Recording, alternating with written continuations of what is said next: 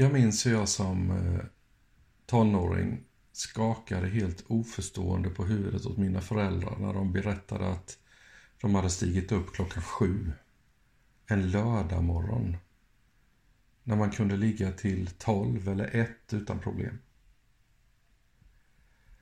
Ja, nu är jag ju här själv och eh, vaknar vid sex eller vid sju på morgonen utan problem. Eh, ligger och snurrar, kan inte somna om. Utan eh, nej, det är bara att stiga upp. Och det gäller oavsett om det är lördag, söndag och vardagarna gärna ännu tidigare. Detta med att sömnbehovet eh, förändras och minskas har ju att göra med att man också vänjer kroppen vid att stiga upp för att göra sig beredd inför en arbetsdag.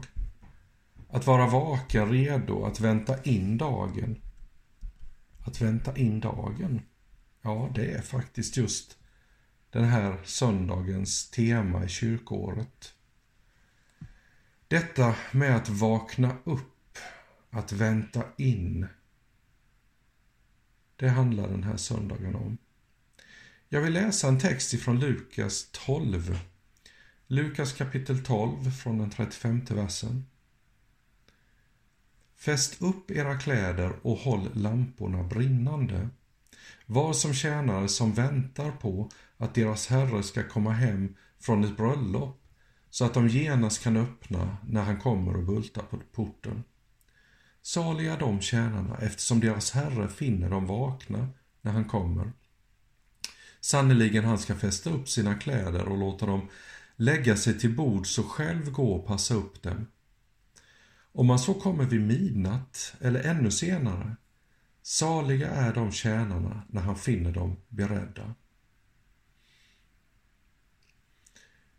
Det här är söndagen innan domsöndagen, som i sin tur är söndagen innan första advent.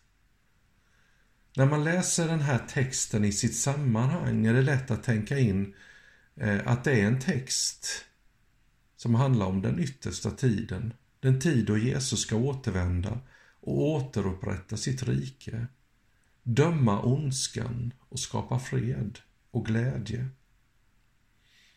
Och det stämmer ju. Den här, den här texten handlar ju i mångt och mycket om just det.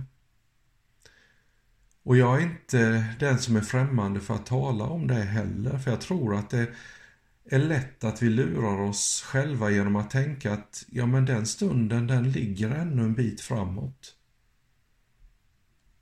Men jag tror att den stunden den kan vara idag. Den kan vara i eftermiddag eller kväll. Den kan vara väldigt nära.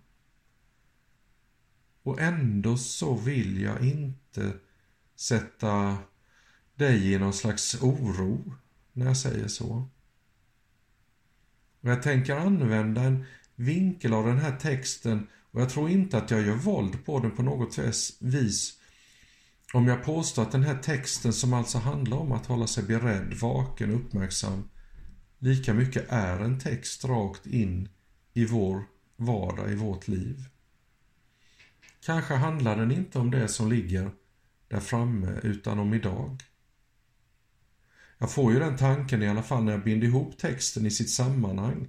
För det som Jesus precis innan talat om är att söka Guds rike först. Att inte oroa sig för mat och kläder. Att fundera över var mitt hjärta finns, alltså vad jag värdesätter mest. Och att inte låta livets bekymmer skymma sikten för livets Herre, Jesus Kristus. Förutom att tala om beredskap så handlar den här enkla liknelsen som vi läste om mycket om att tjäna och jag tror inte det är en tillfällighet. För den som tjänar sin medmänniska är per automatik redo att möta Herren. Kanske är lite vanvördigt att tala om automatik, visst. Men jag kan inte bortse ifrån att när jag läser Bibeln så handlar de uppdrag som Gud ger oss så mycket om att vi ska se varandras behov och inte vaka över våra egna. Att söka sin medmänniskas behov är att vårda sina egna behov. Alltså den som tjänar sin medmänniska har funnit den största av uppgifter i livet. Man har liksom hittat rätt. Petrus skriver i sitt första brev kapitel 4 och 10. Tjäna varandra, var och en med den nådegåva han har fått, såsom goda förvaltare av Guds nåd i dess många former. Den som talar ska komma ihåg att han får sina ord från Gud och den som tjänar att han tjänar med den styrka Gud ger. Så många vittnar om detta. Så många kan inte ha fel. Så många som säger att när jag lyfter blicken från mina egna bekymmer och istället vakar över att lindra nöden för min medmänniska, då blir jag själv tacksam över mitt eget liv och mina egna bekymmer blir mindre. Jesus kom hit till världen för att bli vårt föredöme i att tjäna varandra.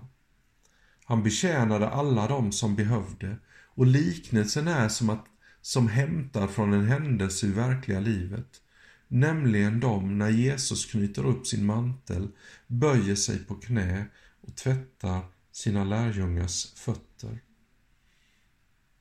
Och här vill jag binda ihop tjänandet med vaksamheten.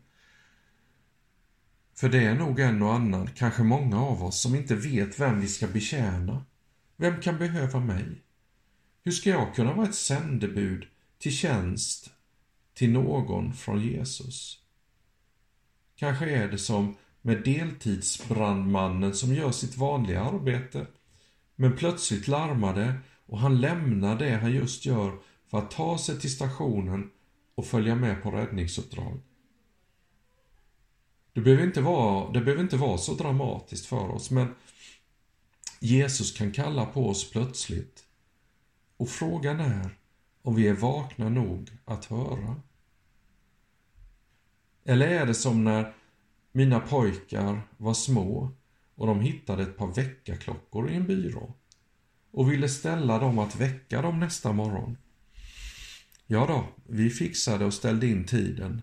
Vi sa godnatt och efter en stund kom den ena av dem ut och frågade efter öronproppar. Varför då, undrade jag. Klockan tickar så mycket så jag hör inte. Eller det klickar så, tickar så mycket så jag inte kan sova, blev svaret. Så istället för att ställa undan klockan ville han ha öronproppar som han ju också fick. Att han därmed också riskerar att missa klockan när den ringde på morgonen, det bekymrade honom mindre.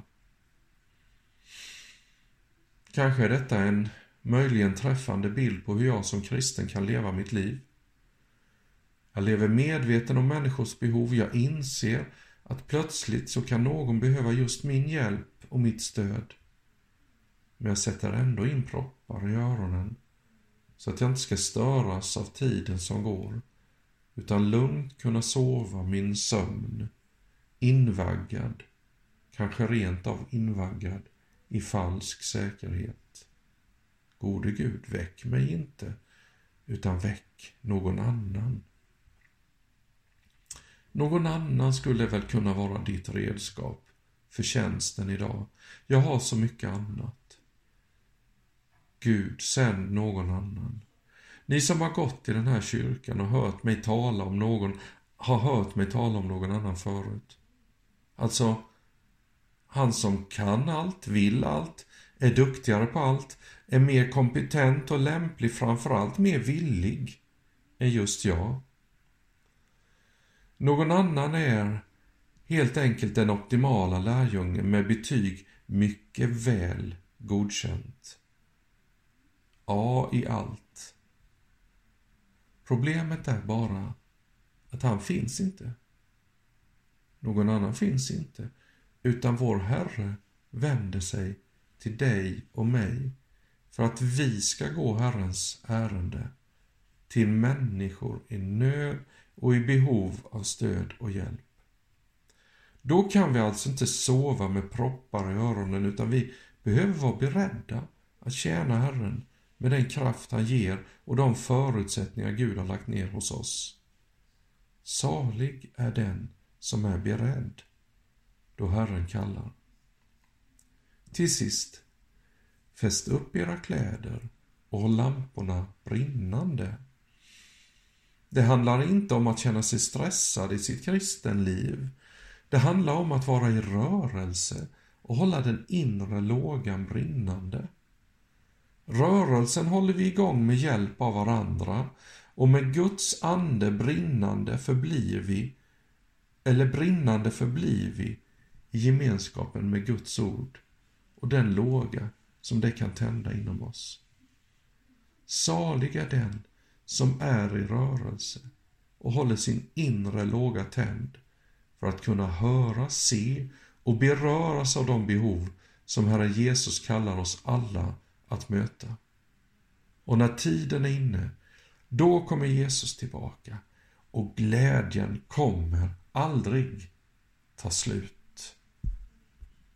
Amen.